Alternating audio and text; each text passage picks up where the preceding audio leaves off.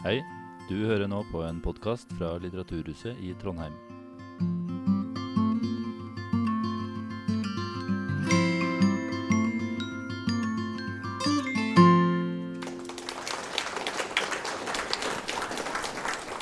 Eh, tusen takk for det. Eh, mitt navn er altså Jo Skårderud. Jeg er journalist i avisa Klassekampen, og jeg skal lede oss gjennom kveldens samtale. Eh, og temaet er altså Eikrem-saken. Hva skjedde? Eh, mer om det snart, men bare først må jeg også komme med noen veldig korte, praktiske beskjeder om arrangementet. Vi tenker at vi skal holde på i ca. én time. Mesteparten av den tiden det blir samtale mellom meg og Øyvind Eikrem. Men vi vil også på et egnet tidspunkt i programmet åpne for noen få spørsmål fra salen. Eh, og I den anledning så vil jeg liksom informere om at arrangementet blir filma.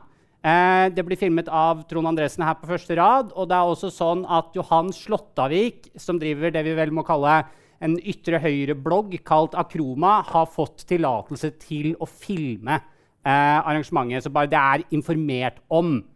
Um, så til kveldens tema. Eh, vi kan jo ikke forvente at alle som er her i dag, det er ganske mange av dere, har eh, inngående kjennskap til saken. Så her kommer en veldig kort synopsis slash oppsummering. Eikrem-saken, oppkalt altså etter kveldens gjest, Øyvind Eikrem, førsteamanuensis i psykologi ved Institutt for sosialt arbeid ved NTNU, og nå vel også politisk nestleder i partiet Demokratene eh, har ridd NTNU som en mare i flere år. Bråket starter i 2018, da Eikrem gjør et intervju med det som blir kalt for et høyreradikalt nettsted, Resett, etter at to unge menn fra Afghanistan blir myrdet av en tredje i Trondheim. Eh, Eikrem reagerer i intervjuet på at saken bare fremstilles som en tragedie, og mener myndighetene er naive i møte med eh, altså, unge menn fra andre kulturer som kommer til Norge som asylsøkere. Um, flere kolleger uh, uh, reagerer og mener dette intervjuet og ikke minst mediet det gjøres i, viser holdninger som ikke er i tråd med NTNUs verdier, og kritiserer både internt og offentlig. 44 av Eikrems studenter underskriver et opprop hvor de skriver at Eikrems holdninger gjør dem, og særlig minoritetselevene blant dem, utrygge og sårbare. Eh, det blir omtalt i media, men Eikrem får pålegg fra NTNU om å ikke kommentere intervjuet offentlig. Det utløser en liten nasjonal debatt om ytringsfrihet, og NTNU slår fast at Eikrem var i sin fulle rett til å uttale, uttale seg, og, og, også uttale seg til Resett. Eh, I 2020 så blir det mer bråk, da Filter Nyheter ved hjelp av anonyme kilder på NTNU mener å avsløre at Eikrem står bak en anonym rasistisk konto på Facebook. Kontoen kommer med å heie frem rasistiske ytringer og sprer rasistiske og i et par tilfeller nazistisk materiale. Eh, saken får stor nasjonal oppmerksomhet. Over 300 avisartikler i eh, medier, flere av dem nasjonale medier, eh, eh, blir skrevet.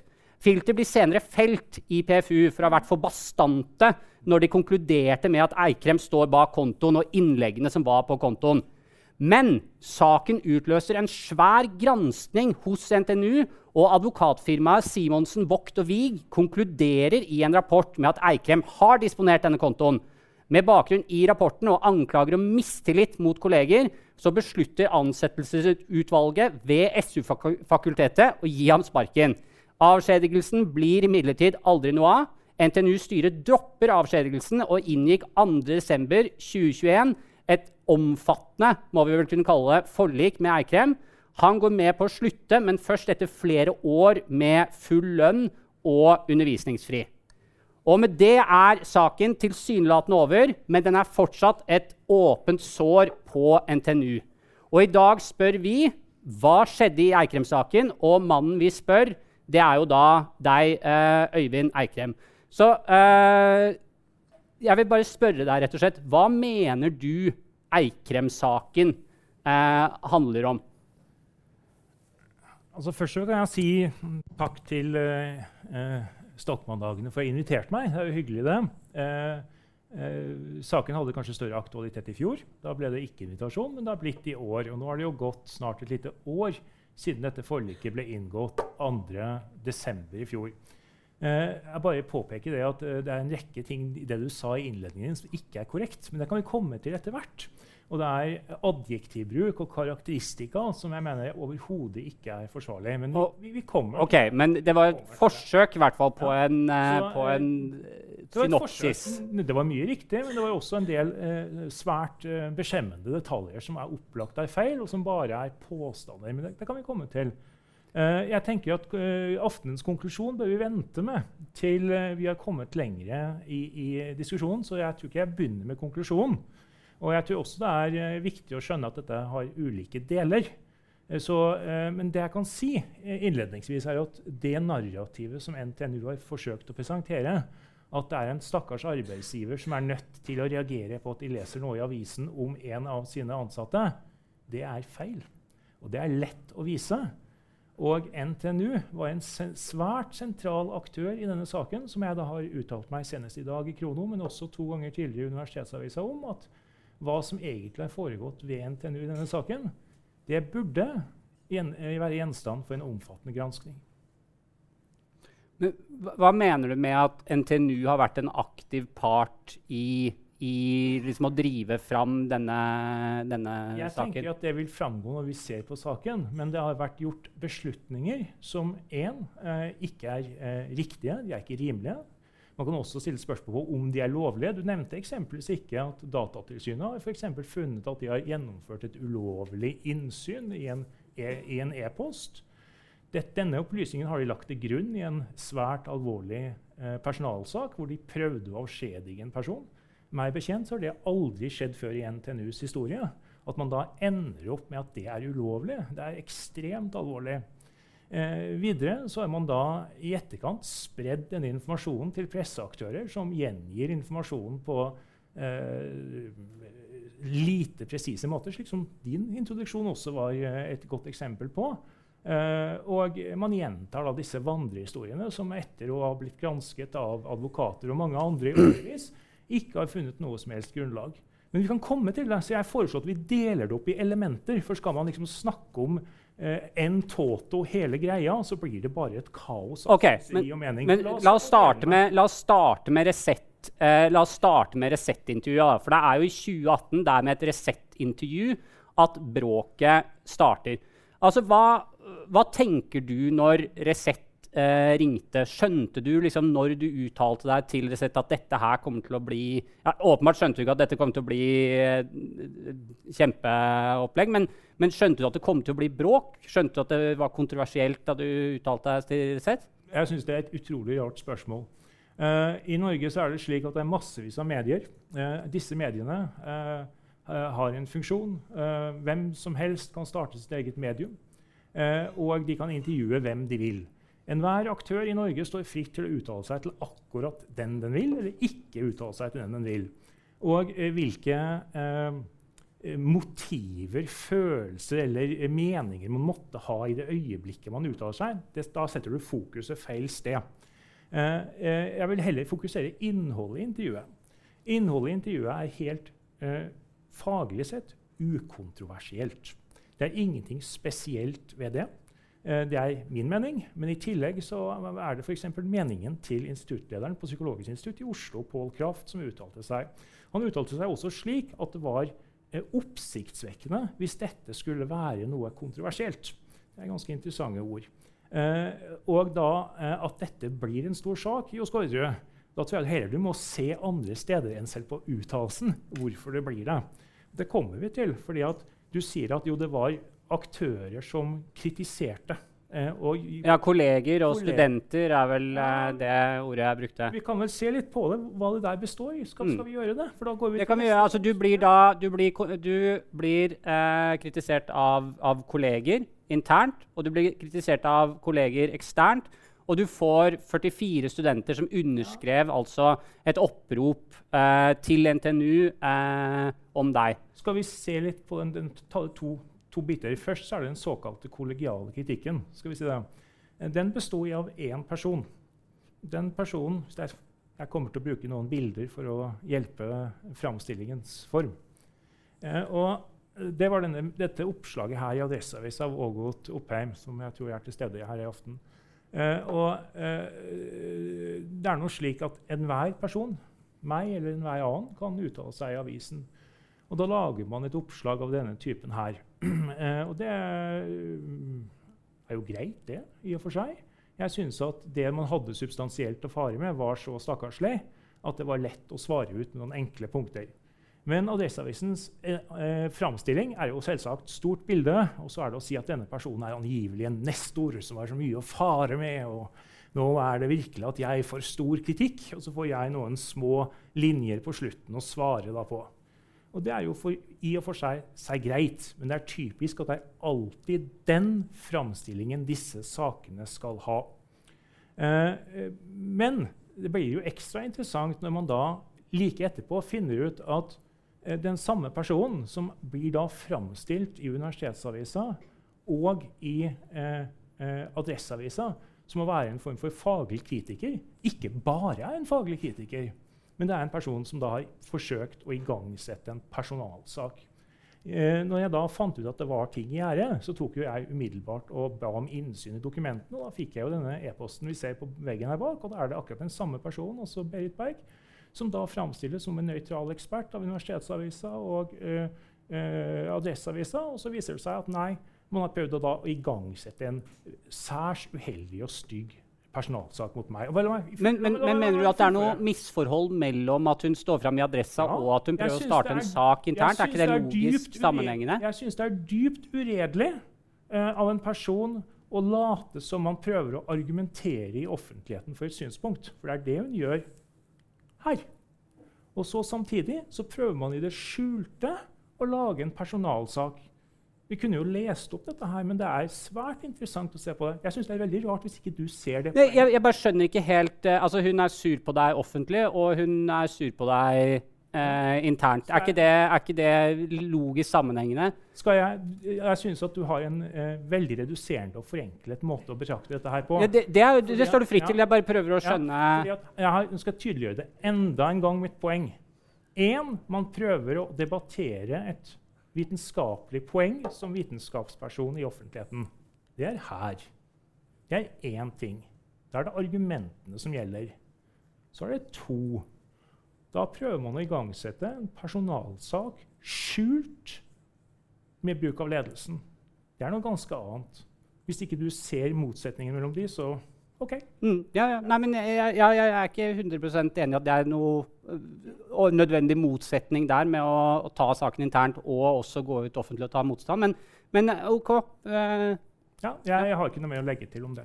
Nei. Men, altså, men det, jo, det, er jo ikke bare disse kollegene som reagerer internt. Du har jo også disse 44 studentene som underskriver et opprop. Ja, eh, at du følte. Hva, hva, tenker du om den eh, Vi kan den, bevege oss til den. Her, ja, for her er, jo, her er jo dette, dette, oppropet. Hva tenker du om dette oppropet som jo, kommer mot deg fra vi, vi kan, studentene? Vi kan se litt på tidslinjen. fordi at, så vidt Jeg husker jeg slo opp rett før jeg gikk hjemmefra. Jeg mener at dette Resett-intervjuet er 18.9.2018 eller noe sånt. Uh, og jeg får vite om dette uh, oppropet ja, Når er det? Helt i begynnelsen av november. Så det er over en måned imellom. Uh, og det NTNU da har gjort, er at de da har rett og slett sittet på dokumentet og holdt på det. Så, så det, det, har vært hos NTNU før du, ja, får, før du får vite om det? Eh, og så ja. kommer det en sånn helt sånn absurd unnskyldning. Nei, vi, vi, vi fikk ikke ekspedert dokumentet. Mm. Som om at det er en sånn uh, uendelig, et uendelig renessansehoff med fire stykker involvert. Det er jo ikke det. Vi har sittet på det og venta på det. Uh, og da har det i mellomtiden allerede uh, vært en betydelig offentlig diskusjon om dette her. Jeg mener Adresseavisas første leder kommer her. Eh, så kommer de til meg og sier at det er noen personer som har laget et slags jeg vet ikke hva vi skal kalle et dokument, men et slags opprop, kanskje. Un en underskriftsliste, ja. et opprop. Et opprop. Ja. Og eh, Det merkelige er da at disse 44 studentene eh, de kommer med et opprop, men samtidig så insisterer de på at oppropet skal være fortrolig. Eh, det gir jo ingen mening. Eh, og eh, hvis du ser på dette her punkt for punkt, så er det jo ingenting konkret utover et sånn subjektiv saus om at de har noen krenkede følelser. Eh, så jeg vet ikke om, min, om, det handler om meg overhodet. Det er et eller annet som foregår blant de. Men jeg kan komme med én kommentar Jos Skårderud som er interessant. at eh, når jeg hadde min første forelesning eh, etter dette Resett-intervjuet, så så jeg at det var sånn bevegelse på gangen hvor jeg jobba. Og da så jeg at det var sånne studentgrupper som var inn til mine gode motstandere på gangen og gikk da og ble støttet. Så jeg setter jo dette, selv dette oppropet setter jeg med, i sammenheng med at det er noen som har hvisket studentene noe i øret. Så jeg vet ikke hva du forventer at jeg skal svare på ditt spørsmål. At, skal, at du syns å forutsette at det her skal være en meningsytring som jeg skal kaste meg på knær for å si Oi, dette På ingen måte har jeg forutsatt at du skal Nei. kaste deg Jeg bare lurer på hva du mener. Det er 44 av dine studenter Nei, det tror jeg ikke. Okay, ok, 44 av dine studenter har underskrevet det her. Det må de ha gjort. For du beskylder vel ikke eh, dine kolleger for å ha underskrevet i studentenes navn. Så 44 av dine studenter har sett det her, sagt de er enig i det her og kritiserer. Det handler jo om deg. De kritiserer jo deg og mener at eh, altså sånn, at de er personlig svært krenket. og sånn. Så jeg bare lurer på hva du, hva du, du mener om kritikken fra dem. Ja, kan du formulere et presist poeng som det er mulig å forholde seg til? Ja, ok, skal vi se. Uh, uh, den delen, spesielt delen av klassen med minoritetsbakgrunn føler seg personlig svært krenket, opplever Eikrems uttalelse som et stempel på at alle innvandrere er kriminelle. Ja, da, hva, hva, tenker du om at studentene dine sier det? De kan ikke lese en tekst. En. To, de må lære seg at det er ulike meninger om ting i offentligheten. Tre, de har ingenting med hva jeg måtte mene på privat. Ikke sant? Men altså, Det er jo et utmerket svar. Det, det, er det jeg bare lurer på. Hva mener du om kritikken som kom fra dem? Du, du ja. har tydelige eh, du, Det var en av disse studentene som uh, het uh, Bjørung, tror jeg, som gikk ut i Adresseavisa, fikk et sånt stort oppslag. Uh, og hun sa vi har blitt gjort til latter. Og da syns jeg en mye bedre uh, overskrift hadde vært 'Vi har gjort oss selv til latter'. Mm. For når man prøver å skrive under på et opprop, og så holde det skjult, og så si at mm. 'oi, vi har blitt krenket', da skjønner man ikke hva man holder på med. Og bare som til orientering NTNU avviser jo dette her fullstendig. Mm. Det er intet klagegrunnlag at en eh, ansatt på universitetet mm. har en annen mening enn deg. Det tror jeg alle er enige om. Ja, Og det er jo NTNU også enige om. Ja, de var ikke det i begynnelsen. Iallfall ikke hele NTNU. Fordi at NTNU er et ganske mangehodet dyr. Så det er ikke én person som snakker med én stemme. Og på Institutt for sosialt arbeid så har de helt merkelige forestillinger. Mm. Det har de helt sikkert en dag i dag mm. om angivelig hva man skal kunne mene og hva man skal kunne si. Mm. Og Der ønsker de en slags eh, kadervurdering uh, for de som skal inn. Og det er kun de kvalifiserte som mener de bestemte tingene. Så her, Disse forestillingene som studentene gir uttrykk for, de har ikke oppstått i et vakuum. De har oppstått innenfor en meget utrert subkultur på universitetet de da, og det er en forklaringsgrunn til denne såkalte Eikrem-saken som du spurte om opprinnelig.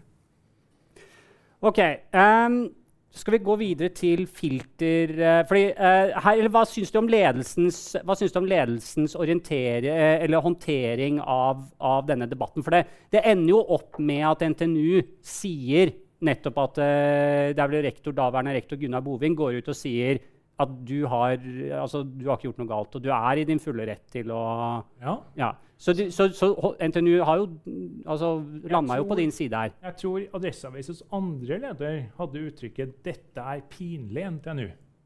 Det er Adresseavisa. Uh, jeg mener jo det er riktig. Ja, det, det er pinlig, NTNU. Uh, og uh, det er riktig at Gunnar Bovim unnskyldte seg til Dagbladet.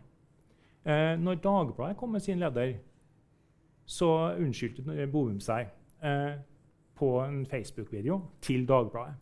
Eh, og eh, det er jo greit, det, men altså, jeg har ingen illusjoner om at hvis ikke hovedstadspressen hadde kommet på banen, at NTNU ut fra eget momentum hadde liksom Og dette er feil. Det er ikke det som har skjedd. De ble presset til det. De ble presset til det, var det det handlet om.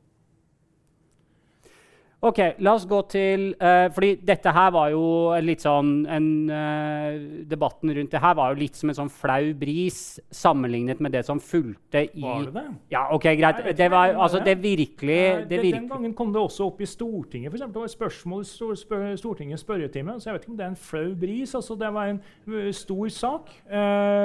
Eh, og uh, hvis jeg skal si noe, da, så la oss bare trekke noen konklusjoner. uansett hvordan man ser på dette her. Eh, det vi her ser, er at det er en massiv konflikt i et arbeidsmiljø. Det var kjent i 2018-2019. Hva gjorde NTNU med det? Det er situasjonen som har oppstått. Og jeg kan bare fortelle en annet eksempel. Den 1. februar så hadde de et sånt merkelig møte Eh, hvor eh, man prøvde da, altså allmøte for alle de ansatte og toppledelsen var til stede. Og prøvde da å, å, å skape en sånn emosjonell stemning hvor jeg skulle presses til taushet osv. Eh, forferdelig rar affære. Og jeg lot meg ikke presse til taushet. Så jeg sa hva jeg mente, og så gikk jeg derfra. Og Da gikk jeg da hjem etterpå og tok dagen fordi at jeg hadde vondt i hodet. Altså Den type tøv eh, gir meg hodepine. Eh, og eh, Da ble jeg da ringt på senere uh, av en kollega som fortalte meg da at man hadde da bivånet et særdeles kuriøst skuespill ute i lobbyen på campus. Og det var da at denne samme Berit Berg, hvis argumenter og pressform ikke hadde kunnet medføre at jeg skulle da straffes på et eller annet vis, da sto da og gråt i full offentlighet. Men, nå, men nå, nå, begynner du anekdotisk litt sånn. Vi vet ikke om det. At du har hørt at noen at hun sto greit. Poenget er ganske sentralt. Det er tross alt en samtale med meg. Ja, ja jeg bare sier eh, Poenget er da at eh, eh, Hva skjedde da? Hvordan responderer NTNU på et slikt merkelig syn? Jo, dekan står og trøster henne og klapper men, på ryggen. Og der der identifiserer jeg starten på filtersaken. Der begynte filtersaken. Fordi at da man hadde skjønt at man hadde tapt, da skulle man komme og få revansje. Så når man satte punktum for den første, så begynner den andre saken. Vi kan gjerne gå videre nå. Ok, Da går vi til eh, denne filtersaken. Fordi Filter kommer da, altså da i 2020 med en svær eh, sak, en eh, framstilt som en avsløring eh, filter avslører at du står bak en rasistisk eh, Facebook-konto eh, som, eh, som, altså da har, har sagt masse, masse fæle ting. Men altså det er jo asylsøkere kan jobbe i bomullsåker under en slavedriver. Det, det, er i hvert fall det som... I flertall står det asylsøkere. Ok, Asylsøkere kan jobbe i bomullsåkeren under en slavedriver. Eh, liker rasistiske kommentarer om sorte svin. Omtaler statsministeren som en landssviker. Landsmorderen. Eh, altså dette er bare, jeg bare oppsummerer hva, hva media har eh, ja, men da, da, da, kan du ikke sakens detaljer. Og det er jo helt greit. fordi at... Er du, altså, er det, vil du krangle med på en måte hva kontoen har altså, jo, altså, er, Hvis du skal ta stilling til noe Dette er Kronos gjengivelse av ja, men, hva som har stått på denne men kontoen. Men betyr detaljene noe? Betyr detaljene ikke noe? Ok, det, Kontoen eh, driver og liker og heier fram masse rasistiske budskap. Eh. Er du, er du, bestrider du det? For Vi kan jo gå ja. tilbake og se hva som sto på det, den kontoen. Det jeg kan fortelle deg, er at uh, dette er bare en historie fra Filter nyheter som har kommet på bestilling fra andre. Uh, denne historien ble publisert et lite øyeblikk. Men det fins jo skjermdumper av kontoen. Hvis jeg får lov å gjennomføre resonnementet mitt, så pu publiserer de da denne uh, artikkelen den 20.2. Denne artikkelen så vidt jeg husker, så inneholder den tolv delte linker og 14 ulike kommentarer pluss 6 likes. Det er det som er innholdet i den der. Eh, og så er det tre ulike navn på denne kontoen, hvis det da er én konto. For det vet vi ingenting om. Vi derimot, altså Når jeg sier vi, så er det altså Forskerforbundets advokat Kristoffer Gjelde og jeg gjorde egne undersøkelser. og Vi kom frem til at det var jeg tror det var 106 ulike konti med tilsvarende navn. Eh, og eh, NTNU har i sine sakspapirer aldri blitt enige med seg selv om det var én konto, to konti, tre konti, fire konti, fem konti, eller hva dette her var. F.eks. senest i eh, den tilsvaret til Datatilsynet som kom når var det fredag, nei, mandag forrige uke, så gjør NTNU et eksplisitt poeng av at det var flere konti. Rett og slett fordi at det uh, sannsynliggjorde at man hadde brukt NTNUs e-post. dette her. Uh, og jeg vil også legge til hva er dette her for en artikkel? Jo, det er en såkalt klipp og lim-artikkel. Man har noen bilder av et eller annet som man setter sammen. Og så har man da fått denne Harald Klungtveit, som driver en veldig merkelig propagandablogg ikke sant, for sin e egen politiske aktivisme, og som kommenterer og angivelig skal forklare hva dette her er. Eh, jeg skjønner veldig lite av det. Eh, og at når du sier disse ordene, du kommer med disse adjektivene dine, hva er det da? Høyreekstrem og nazistisk den, den, deler, den deler fra svenske nynazistsider. Det er jo nazistisk, Nei, eh, nazistisk propaganda. Jeg, jeg ser ikke at det er dokumentert på noen måte. Uh, og i tillegg så er, Men, du, du, har jo levert en, du har levert en klage til PFU. Der bestrider du ikke at det fins en rasistisk Nei, eh, konto som eksempel, denne rasistiske kontoen? Jeg skal fortelle deg uh, noen enkle ting. Altså, jeg kan saken her ganske godt. Den faktiske siden. Uh, jeg har vært med på lange prosesser med dette. Jeg gikk f.eks. gjennom og søkte opp mye av det innholdet som fortsatt ligger på nettet. Og da ser jeg at Filter nyheter eksempel, har dyttet sammen eh, helt forskjellige løsrevede ting i samme setninger okay. for å framstille på den måten. Så for å si det med min advokat når vi møtte NTNUs styre 1. Desember, 1. Eh, desember 2021 Dette har status bare som en ren historie. Og for å understreke, for det syns jeg vi skal gjøre her Dette er felt av PFU. Ja, er, du er journalist, og da bør du også ha en viss ydmykhet for at det øverste organ innenfor pressen har felt dette her. Jeg har Et øyeblikk. Eh, her står det at Filter nyheter dokumenterer ikke at det er klager som står bak denne ja. kontoen og har skrevet dette. Det er det de skriver. Ja, De bestrider heller ikke at det er en konto. Det gjør ikke du heller. Da syns jeg at dine spørsmål er allerede besvart. Nei, nei de, er ikke, de, er ikke, det i, i, i, det, i det hele tatt. Altså, her kommer mitt spørsmål. Altså, Still, altså, disponerte du denne rasistiske som du nå, som du nå sier ikke fins? Ok, Så du vet ikke engang at den, eh, den er der? Din advokat leverte et brev fra en person som sier at han disponerte denne kontoen som du sier ikke fins. Ja, ja, men jeg spør deg. Nei, det, det, det spør deg spørsmål. Ja, er dette en samtale? Okay, ok, La meg spørre deg et spørsmål, da. Din advokat leverer et brev fra en person som sier han disponerer denne kontoen. Ja. Og nå sier du at kontoen ikke fins. Nei, jeg har ikke sagt at kontoen ikke finnes. Jeg har sagt at det er bare en historie hvor alle holdepunktene er helt løsrevede. Og eh, Du skal komme videre til hvordan denne historien har oppstått. Okay. Men, men, et øyeblikk. Men du, du, du, mener i hvert fall at du disponerte den ikke? Det er bare for ja, å forstå det. Jeg har svart på dette her til Filter nyheter jeg tror det var den 18. februar 2020, og har ingenting ytterligere å legge til det. Og jeg må si det at uh, det er jo ikke hvert eneste år jeg blir uh, invitert til Litteraturhuset for å komme og ha en hyggelig samtale. Men snakker om uh, tilnærming du velger i kveld, Jo Skårud. Det må jeg bare si. Jeg syns du er Eikrem, Eikrem, Eikrem, Eikrem, jeg må få lov til å stille deg du, Nå sier du at denne, denne, kontoen som NTNU har brukt til å si at de skal sparke deg, og som du har, hvor din advokat har, gitt, har kommet med brev fra en fyr som sier 'jeg sto for denne kontoen' som bevis på at du ikke brukte den. Nå sier du at kontoen ikke fins, og at du mener at den aldri har at den er fem forskjellige kontoer. Det, da må jeg jo stille spørsmål om det. Jeg er jo journalist, jeg kan ikke bare sitte og si sånn 'Å ja, Eikrem, det var ja, men da, ferdig, eller? Ja, nei, altså, det, er, sånn. det, er, fint at det er noen som tar opp dette, for det er ikke det som jeg har sagt. Okay. Så går vi bare videre.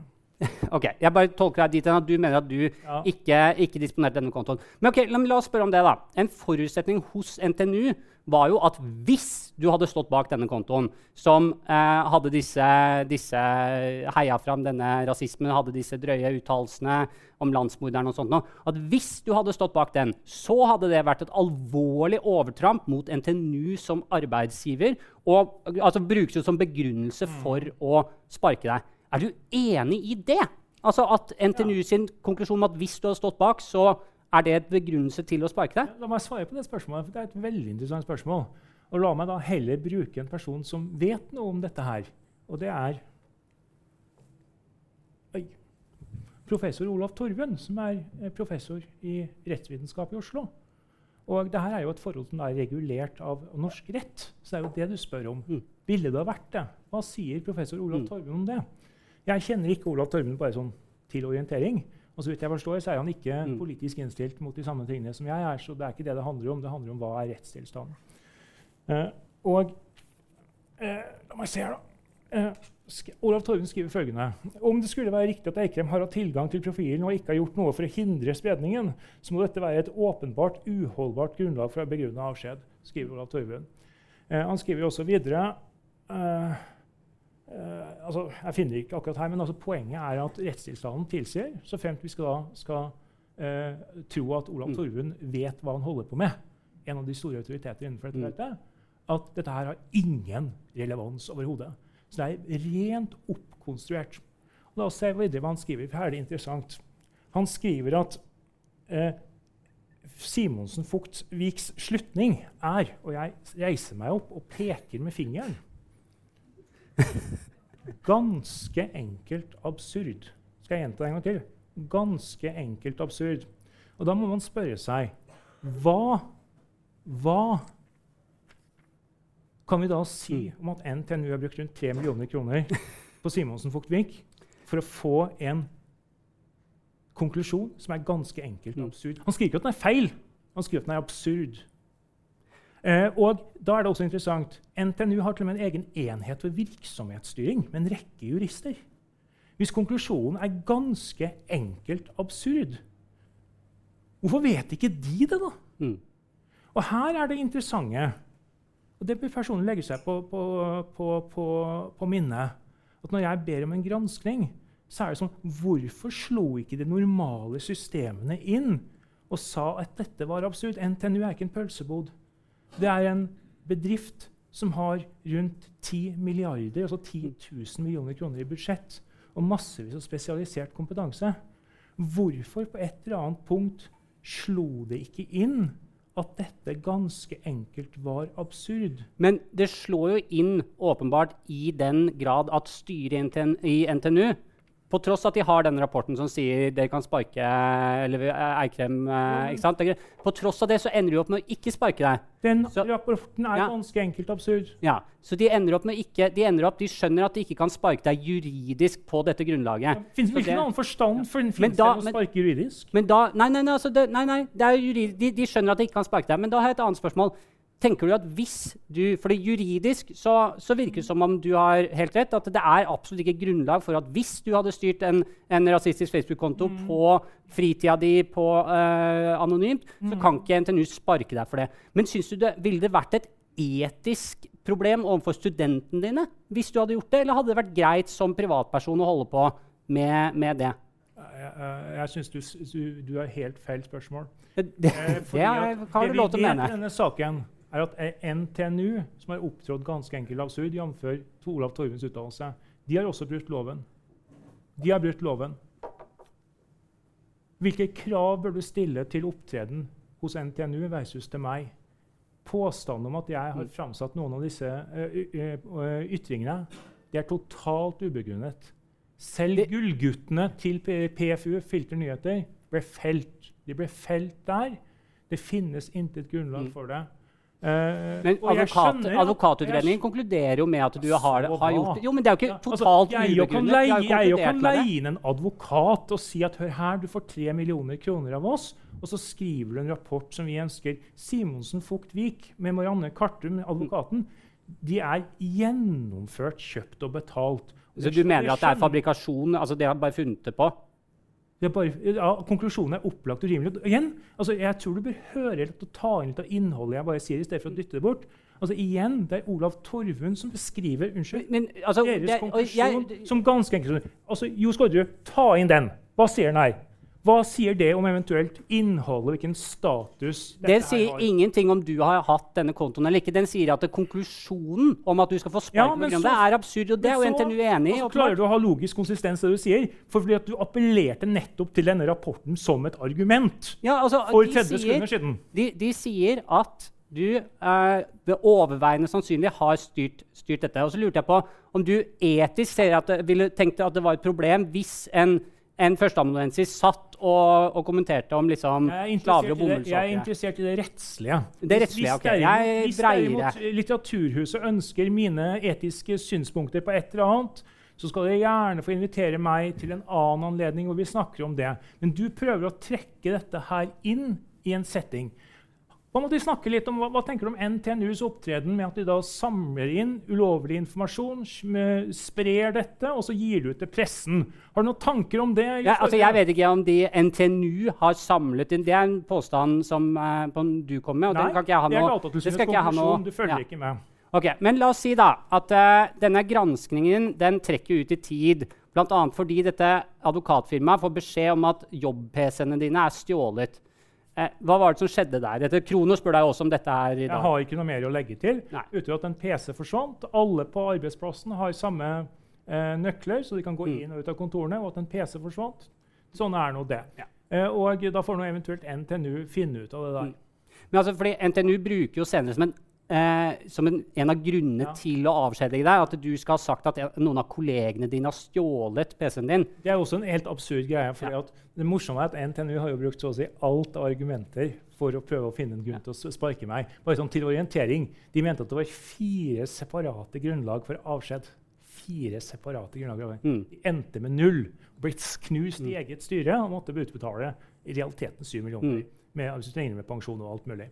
Eh, de mente også, og dette her er så latterlig at det er vanskelig å mm. tro det, at det at jeg angivelig hadde bra eh, mediatekke, var en grunn som var skjerpende med tanke på avskjed. Dette er nivået. Dette er nivået. Eh, så eh, jeg, jeg, har veldig vanskelig for å ta dette alvorlig. Mm. Hvis du trenger argumenter for at eh, altså Hvis du trenger argumenter for å plassere hva NTNU har drevet med, så vil jeg bare si les avisene rundt kommentarlitteraturen som kom rundt, rundt, i desember i fjor. Og da ser du at det var massiv, unison kritikk av NTNUs toppledelse. Så det er ikke bare mitt synspunkt. det. Mm. Altså, ledelsen, de prøvde jo, eller ledelsen i hvert fall ved, ved det ene instituttet prøvde jo å få deg eh, avskjediget. Men saken endte i et forlik. Ja. Er, du, er, du, fornøyd med at det endte i et forlik? Nei, altså det ble noe som det er. Men, det ble, men jeg, kan, jeg kan ta ut noen poenger her først. fordi at eh, Vi har nå hoppet fullstendig bukk over et ganske sentralt poeng. Og det er hva er relasjonen mellom del 1 og del 2? Ja, det kan vi, vi kan eh, hoppe eh, tilbake til. Det, det kan, vi komme tilbake til forliket på slutten. Jeg er helt enig med deg. jeg tror igjen det er bra. Og eh, NTNU har mer sånn operert med at nei, det er ikke noe relasjon mellom 1 og 2. Eh, det er sånn at uh, Du hadde noen greier som skjedde, og så gikk det tid. Og så var det noen nye greier som skjedde. Og det handlet ikke om det. Men når vi snakket også, vi, vi hadde jo en samtale i forgårs, går, eh, om hvordan vi skulle legge opp denne samtalen, så, så framstår det like fullt som en enhet. Ja, så Det starter i 2018. Starter i 2018. Vi, vi ser på ja. Krono sin kronologi, da, hvis vi kan bruke den. 2018. Men NTNUs hele resonnement er Oi, det skjer noe vi må agere fordi at vi er eh, en ansvarlig arbeidsgiver som må ivareta våre studenter. Er det riktig? Eh, for å besvare det spørsmålet så har jo jeg da eh, begynt å nøste litt i ting. Og En måte å nøste litt ting på er å be om innsyn i dokumenter. NTNU har trenert dette etter alle midler, og jeg har fortsatt ikke fått svar. Vanlig må, tidsbruk på å gi svar er tre dager, fire dager kanskje i offentlig forvaltning. NTNU har enkelte ganger brukt over et år på å svare på meg. Men ett spørsmål for å finne ut av noe av dette her, det er å se på når igangsatte NTNU prosessen. Filters artikkel kommer så vidt jeg husker, rundt klokka halv ni om kvelden 20.2.2020. Oi. Ah, jeg tar den etterpå. Ah, der er den. Uh, og Hvis vi ser på den, så ser vi at dekan, nåværende prorektor Marit Reitan og Dette her måtte jeg via felles klagenemnd for å få ut. NTNU nekta å levere ut dette. her. Så viser det at allerede klokken ti om morgenen fredag dagen etterpå så er de i gang med å kjøre fram de største kanoner. Og da kobler de inn og dette er en e-post, da kobler de inn hun ja, tidligere statssekretæren i Justisdepartementet som uh, har vært styreleder i Telenor, altså de store kanonene, de skal inn. For nå skal vi liksom agere. Før vi har snakket med meg, før vi har gjort noe som helst, så kjører de på. Og, og eh, Hvordan kom jeg over dette? her? Jeg kom tilfeldigvis over det.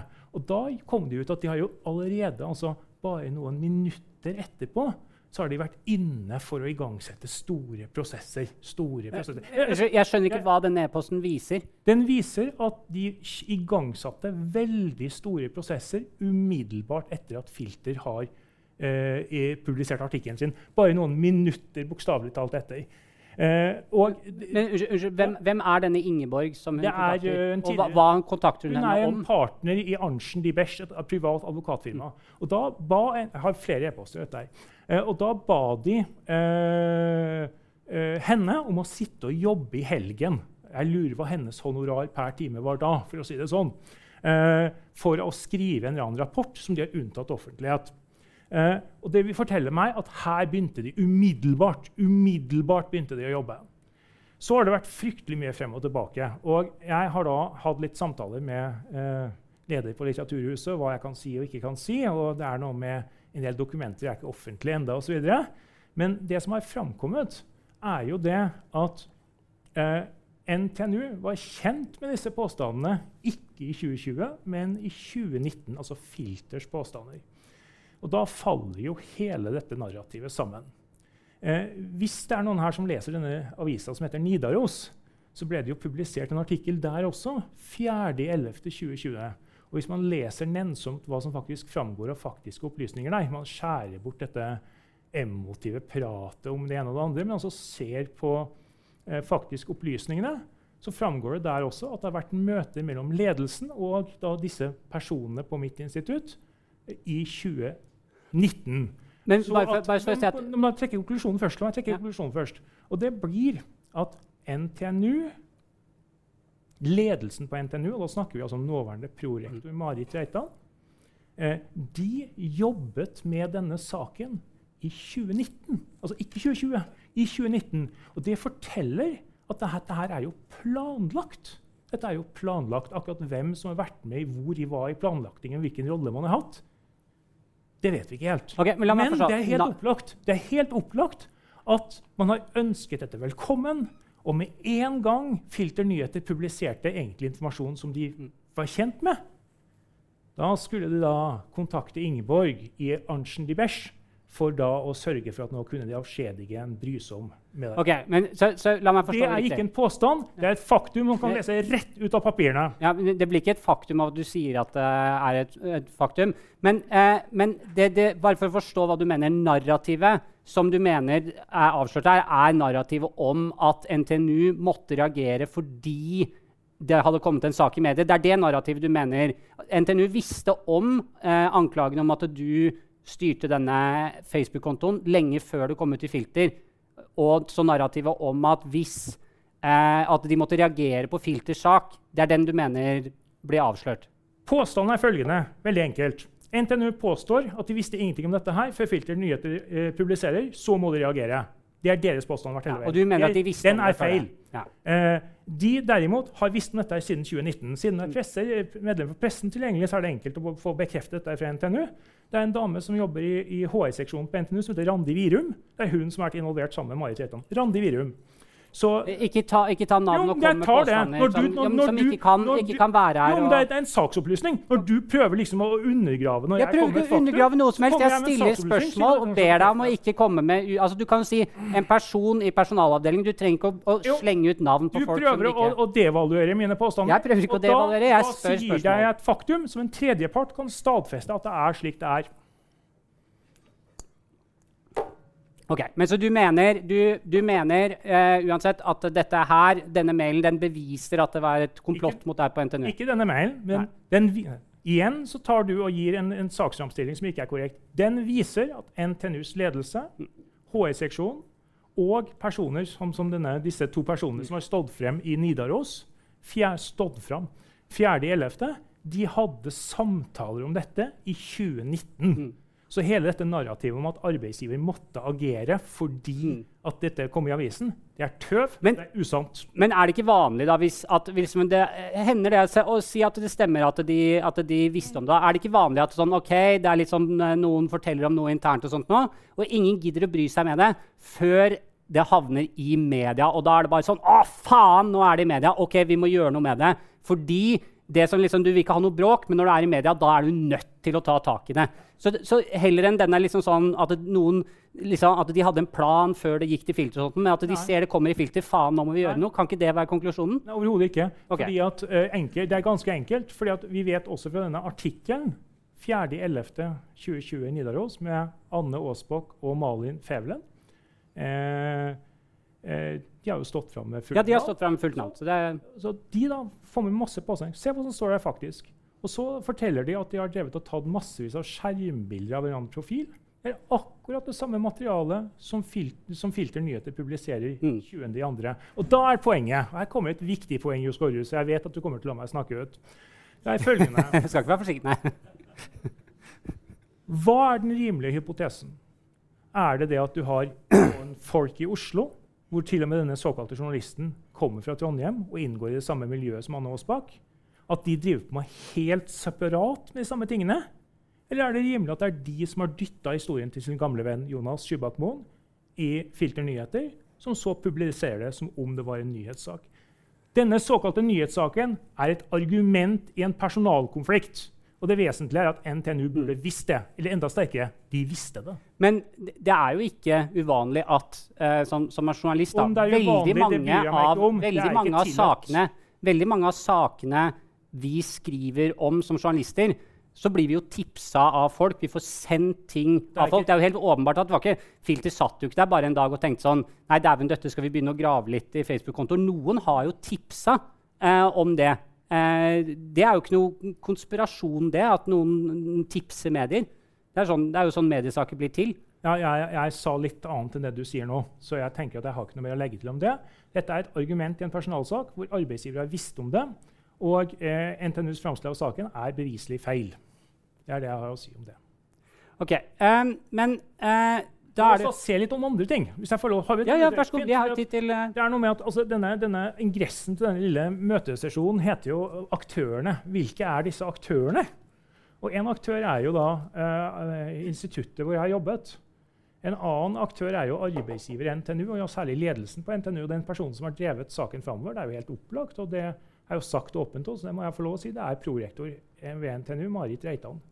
Eh, Jeg vet eksempel også at Fagforeningene på NTNU har nå forsøkt i nesten et år å prøve å finne et svar på om Marit Reitan har vært involvert i prosessen på hvilke nivåer. Har hun både vært dekan og drevet saken framover, og så etterpå vært prorektor og drevet saken framover? Er det derfor den ble så absurd? Jeg må bare si at det vet ikke jeg. Nei, nei, nå. jeg spør, jeg ikke heller. Jeg spør. Ja, altså, jeg, vet ikke, jeg vet ikke om denne fagenheten. Altså. Du sier at de har jobbet med det. Det Det er et interessant poeng, og det burde jo NTNU interessere seg for.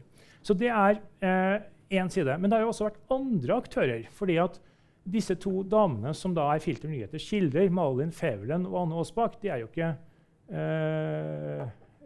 De har sine kontakter. eh, og eh, de har jo også sine venner, så vi kan jo se helt på det. Og en av disse vennene til eh, Anne Aasbakk, det er jo eh, Mona Berger. Hvem er nå det, kan man spørre seg om. Jo, det er jo byens varaordfører. Altså det er varaordfører i Norges tredje største by, sånn som Kams i Oslo. da. Eh, nå har jeg kanskje gått av. Eh, men poenget er det at Mona Berger har her og det ligger ute på hennes åpne Facebook-profil. Og her da drevet saken, argumentert saken fram for sin venninne. Og hvis man er interessert i moral og etikk, sånn som du er, i Jo Skårderud, og Facebook og eh, ut, utilbørlige ytringer og sånn, så tenker jeg at hvis jeg finner ut av dette her Jeg ser jo også at han som skriver om politikk for Adresseavisa, er her i aften. Er ikke det her noe å, å, å stille noen spørsmål rundt? Er det tilbørlig opptreden fra Trondheims nest øverste politiske leder å engasjere seg i en personalsak som en part med upålitelige uttalelser? Jeg syns det er ganske besynderlig. Det er ganske kuriøst. Eh, Men jeg skjønner Ikke helt hvilken rolle ha- altså, jeg, skjønner at du, jeg skjønner at du reagerer sterkt på at eh, varaordføreren går ut og mener ting i en, en sak som omhandler deg. Hvor, men, men, bare- men bare altså, sånn, det er, har det med noe Det med sier noe om pressens rolle. Pressen velger hvor pressen vil se. Pressen vil ikke se dette her. Eh, så man kan lage en enorm sak om at angivelig noen har klikket like på en Facebook-konto. Det kan vi skrive 300 artikler om, og så kan vi hyle og skrike og ha konferanse på Stokmann-dagene. Det kan vi skrive om. Men, mange av dem støtta jo deg òg, da. øyeblikk- Mange av de 300 artiklene støtta deg òg. Men derimot, når uh, Trondheims varaordfører helt utilbørlig og på helt uverdig måte opptrer slik Nei, nei, la oss se bort fra det! Dette er jo ubehagelig. Men jeg syns ikke det er ubehagelig i det hele tatt. Det, altså, altså det, det er helt fint å gå an å problematisere. Ja. an å problematisere. har Klassekampen gjort det? Nei, altså, vi har ikke skrevet noe særlig om den saken her i det hele tatt. Nei, det er interessant. Det var, vel- problemet var vel kanskje at vi ikke, når det pågikk, var så, syntes det var så interessant. Mm. Ja, vær så god. Neste spørsmål. Jo, eh, men fordi apropos disse, apropos disse nettverkene, da, for du mener jo å dokumentere Du kan jo kanskje ta eh, og slide Altså, litt du hadde jo også et spørsmål om at det angivelig det var en student som hadde Ja, det er nettopp det. La oss komme til det. Ta, ta, Ta spørsmålet ta først, du. Ja, ok. Fordi eh, nettstedet Akroma, som er et sånn eh, La oss kalle det et ytre høyre-nettsted, da, det skriver om at det 21. mars kom inn et varsel mot deg fra en av dine studenter. Eh, og det som skrives i det varselet, er at du skal ha kommet deg inn via en bekjent, en annen ansatt på NTNU. Så skal du ha kommet deg inn på studentgruppa til Rødt på NTNU, altså partiet Rødt på NTNU. Og så skal du ha tatt skjermdumper der eh, av en private samtaler som da ø, omhandlet å skrive noe om deg. Ja. Og så skal du ha gitt dem videre til da mannen som driver en ytre høyre-blogg, og som så brukte skjermdumper derfra til å eh, skrive, skrive trakasserende om Ja. bl.a. din student. Det er et varsel som kom inn. Er det sant? Uh, altså det er noe der som er riktig, og så er det noe der som er feil. Ja. Hva er, hva er riktig av det? Gikk det det som er riktig, er at det er en student som heter et eller annet Sigurd. Et. Vi trenger ikke å ta navnet Ja, hans. som det er jeg aldri har møtt. Han er ikke min student. Det har ingenting med han å gjøre. Han skriver i varselet at han er din student i Aldri filosofi, vel? Aldri møtt den. Jeg er ikke ansatt i filosofi. Uh, så uh, aldri møtt den. Uh, så det er feil. Og Filosofihistorie 2, skriver han. hva har det med meg å gjøre? Nei, at Han skriver at han er din student i bl.a. det pågående Filosofihistorie 2. Eh, poenget er, ha- har ikke noe med meg å gjøre. Eh, denne personen da, eh, er en eh, person som eh, er aktiv i partiet Rødt. Det er jo ditt parti også. Jeg, jeg, jeg er ikke med i, i ja. Og, og eh, det interessante er da at eh, man da prøver å eh, lage en sak. Fordi at det er riktig at når man eh, går på skattejakt på Internett, så finner man noen spennende ting. og Da kan vi gå på den siden. Og det man da fant, er jo at man da prøvde da å bygge konsensus med å få noen angivelige studenter til å skrive noe. Men det er jo ikke studentene som har skrevet noe. Det er jo andre personer på NTNU. Og særlig så er det da denne gudfaren i kulissene for partiet Rødt, Ronny Kjelsberg, som da eh, hjelper til å føre pennen sammen med noen andre. Her er det jo også Arve Sletten, som er kontorsjef på, eh, på, på psykologi. Og disse sammen da skal hjelpe studenten med å formulere sine ankepunkter. Så at i denne saken, den så, såkalte Eikrem-saken den kunne jo egentlig hete Berit Berg-saken eller Marit Reitan-saken. Har du tenkt på det? Eh, denne saken, eh, den eh, eh, har hatt mange bidrag som har blitt gitt ut i andre personers navn, som egentlig har vært skrevet av andre personer. Men, men på bakgrunn av det som står her, har du noen grunn til å si at det ikke er disse studentene som har eh, kritisert deg, som faktisk har skrevet ja, men altså at de har fått hjelp? Hva med å endre setning to? Det er, ganske, det, er, altså det er noe annet å ha for Jeg har ca. med innspill. 20 slike, slike skjermbilder som Ja. viser dette entydig. Så hvis Adresseavisa vil lage et kjempestort oppslag om dette her, ta kontakt. Ok, Men hva med i, hva med den påstanden i dette varselet fra en som hevder å være, det, være seg din student? Det går jo Aldri møtt den. Aldri, NTNU har han, aldri han sier nå det i varselet, da. En, Men, ja, men NTNU, å, står, står det mitt navn? Han, Ja. han har aldri, aldri snakket, jeg har aldri blitt orientert. men han sier ikke at han har snakket med han sier at han er studenten din i filosofihistorie. Nei. Men det som også sies her, er at du har, tatt, eh, at du har kommet deg inn der, og så at du har tatt Hva betyr 'kommet seg inn'? Du har kommet deg inn i den Facebook-gruppa, og så har du gitt skjermdumper til noen som driver Ja. det som er en høyreekstrem side, eller høyreradikal ja. side, som har en lang historie med å trakassere tror folk. på. Du altså- tror ingenting på at du har gitt Du vet om du har gitt dette til noen. Hvis du venter litt, skal jeg svare deg. Eh, hvis du er interessert i hvem pressens kilder er, så får du henvende deg til de som driver en blogg eller en, en nettpublikasjon. Jeg kan ikke svare hvem kildene til de er. Hvis jeg spør deg hvem dine kilder okay, er, så du sier at du har ikke gitt dette til hvis du lurer på hvem kildene er, så får får du henvende deg til publikasjonen. Okay, Men jeg spør deg. Her er det et varsel mot deg om at du skal gitt den til Det er ikke et varsel mot til meg. Det er helt feil.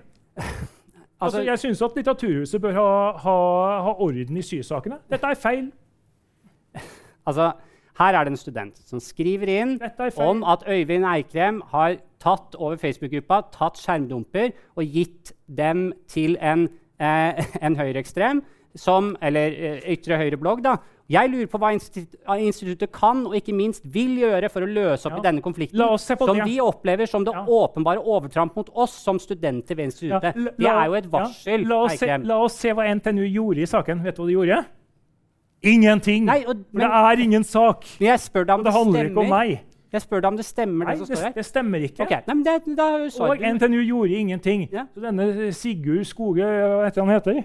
Sigurd uh, Riise, han uh, syns jeg bør eh, finne det, på noe annet. det er helt greit. Du, du eh, sier at det ikke stemmer. Det var spørsmålet mitt. Ja.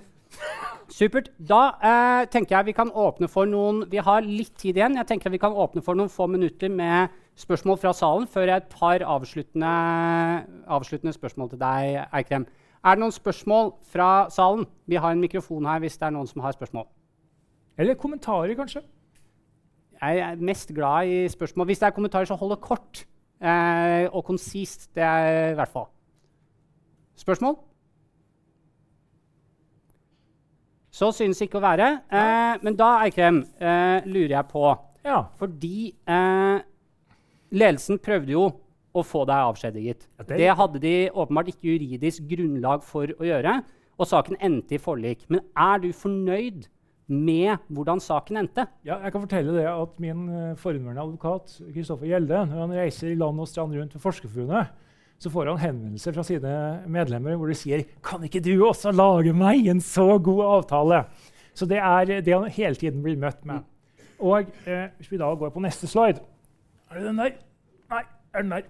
Så eh, Dagens Næringsliv og Dagens Perspektiv, som er en sånn bransjeavis for ledelse, de hadde disse overskriftene. Eh, og det uh, sier jo ganske mye om omfanget. Eh, jeg hadde jo også i forkant tenkt tankene hva man kunne få ut av kroner og øre hvis det skulle bli et forlik. Eh, og da tenkte jeg at kanskje det var mulig å få ut 1,5 million. Eh, men vi endte på syv. Eh, og eh, eh, hvorfor gjorde jeg det? Eh, jo, jeg skal fortelle litt om det. En, jeg har full tiltro til at jeg kan klare å skaffe meg en annen jobb. Altså, Vær så snill. Så det er ikke det det handler om. Kanskje ikke innenfor en liten mobbekultur som Institutt for sosialt arbeid, men det er noe annet. Der jeg vil anbefale personer å ikke jobbe. Men poenget er følgende at jeg var på styremøte 1.12.2021 og brukte litt tid på dette. her. Vi gjennomførte møtet. Vi gjorde en utmerket figur. Kristoffer Gjelde gjorde en kjempebra figur som advokat. Det skal han ha ros for. Eh, og når vi gikk derfra, så sa vi dette gikk så godt som det kunne ha, gått. Så hvis, vi, hvis det blir avskjed nå, kjempebra. Da blir retten, og det blir kjempespennende. Der hadde vi kommet til å knuse NTNU. De hadde ingenting. Eh, så går jeg hjem, lager mat til sønnen min. Eh, og da skal jeg få beskjed. da. E-post skal komme. Ringer advokaten på meg. De vil forhandle. Sånn, det tok bare noen timer. De vil forhandle. Ok, Hva gjør vi da? Nei, Klokken syv i morgen skal vi forhandle. Eh, og Da tenkte vi at det her er over. Jeg går bare tilbake til min gamle stilling. Og så, Men vi visste jo ikke hvor landet sto. ikke sant? Vi visste ikke hvor landet sto. Og så begynner de da, og da begynner de å dytte den ene goden på den andre. og Du skal få ditt, og du skal få datt, og du skal få ditt. Og når det begynte å regne sammen, så ble det ganske mange millioner ganske raskt. ikke sant? Rundt klokken halv to, mener jeg, så kommer det for en dag at nei, NTNUs styre har hatt prøveavstemning. Og der var det, og da brukte NTNUs forhandlingsleder eh, ordene overveldende flertall mot avskjed. Overveldende flertall. Mine kilder i etterkant sier at det er 9-2. Eh, overveldende flertall. Så jeg hadde ingen sak. Og da sier Kristoffer til meg, altså Forskerforbundets advokat, kom igjen, Øyvind, vi bare går. Vi orker ikke det her. Dere har avgjørelsen deres. Og da tenkte vi at vi skulle bare gå. Og da tar NTNUs forhandlingsleder og sier ja,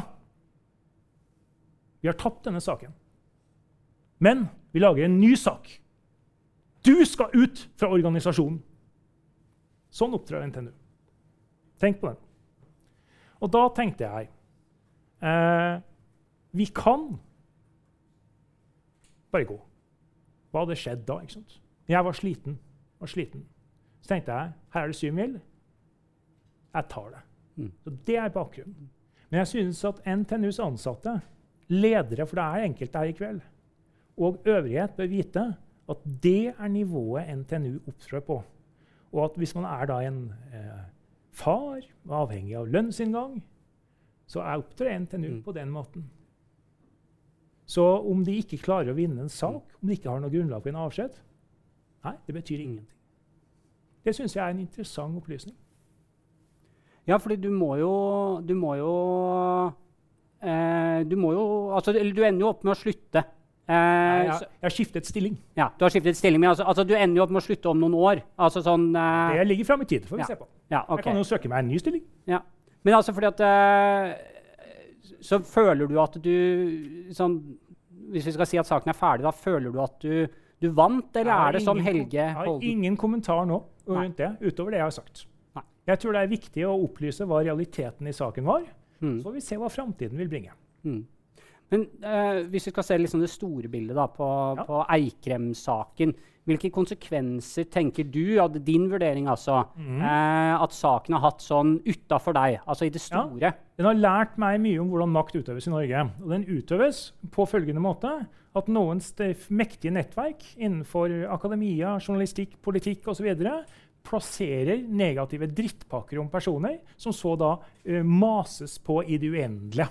Det er måten politikk utøves i vårt samfunn. Det har jeg lært mye om. Og eh, hvis man ikke har eh, eh, kontakter med personer med makt, så er det veldig vanskelig å stå imot. I mitt tilfelle så klarte jeg det. Men jeg syns at øh, vanlige personer, tro meg, uavhengig av hvordan lovgivningen er, de kommer til å bli knust i slike situasjoner. Det har jeg lært. Er Eikrem-saken ferdig nå? Altså, vi hadde jo, eh, vi hadde jo Senest i dag, før vi kom hit, så var det en ny sak, en svær sak i Krono, Mm. hvor du eh, for andre gang eh, Du har jo opp, du har nevnt det i Universitetsavisa før, men, men oppfordrer eller mener, eh, krever en granskning av saken. Er Eikrem-saken ferdig nå? Og hvis ikke, når er den ferdig for deg? Når kan du være ferdig Det er med opp til NTNU. Det er opp til NTNU. Jeg, eh, NTNU altså Dette er ekstremt alvorlige ting som eh, har kommet på bordet. Og det syns jeg NTNUs styre bør nedsette en uavhengig granskingskommisjon for. Tror du de kommer til å gjøre det? Det er opp til NTNUs styre. Jeg vet ikke. Eh, og dette må være en kommisjon som kan granske eh, rektoratet, eh, ledere, personalavdelingen, innlede konsulenter. De må stå overalt, og den bør være partssammensatt. Og det er kun på den måten NTNUs ansatte kan ha trygghet for at de vil bli behandlet på en ordentlig måte. Da sier jeg takk til deg, eh, Øyvind Eikrem, og tusen takk til alle publikum som deltok på Stokkmanndagene. Takk skal dere ha.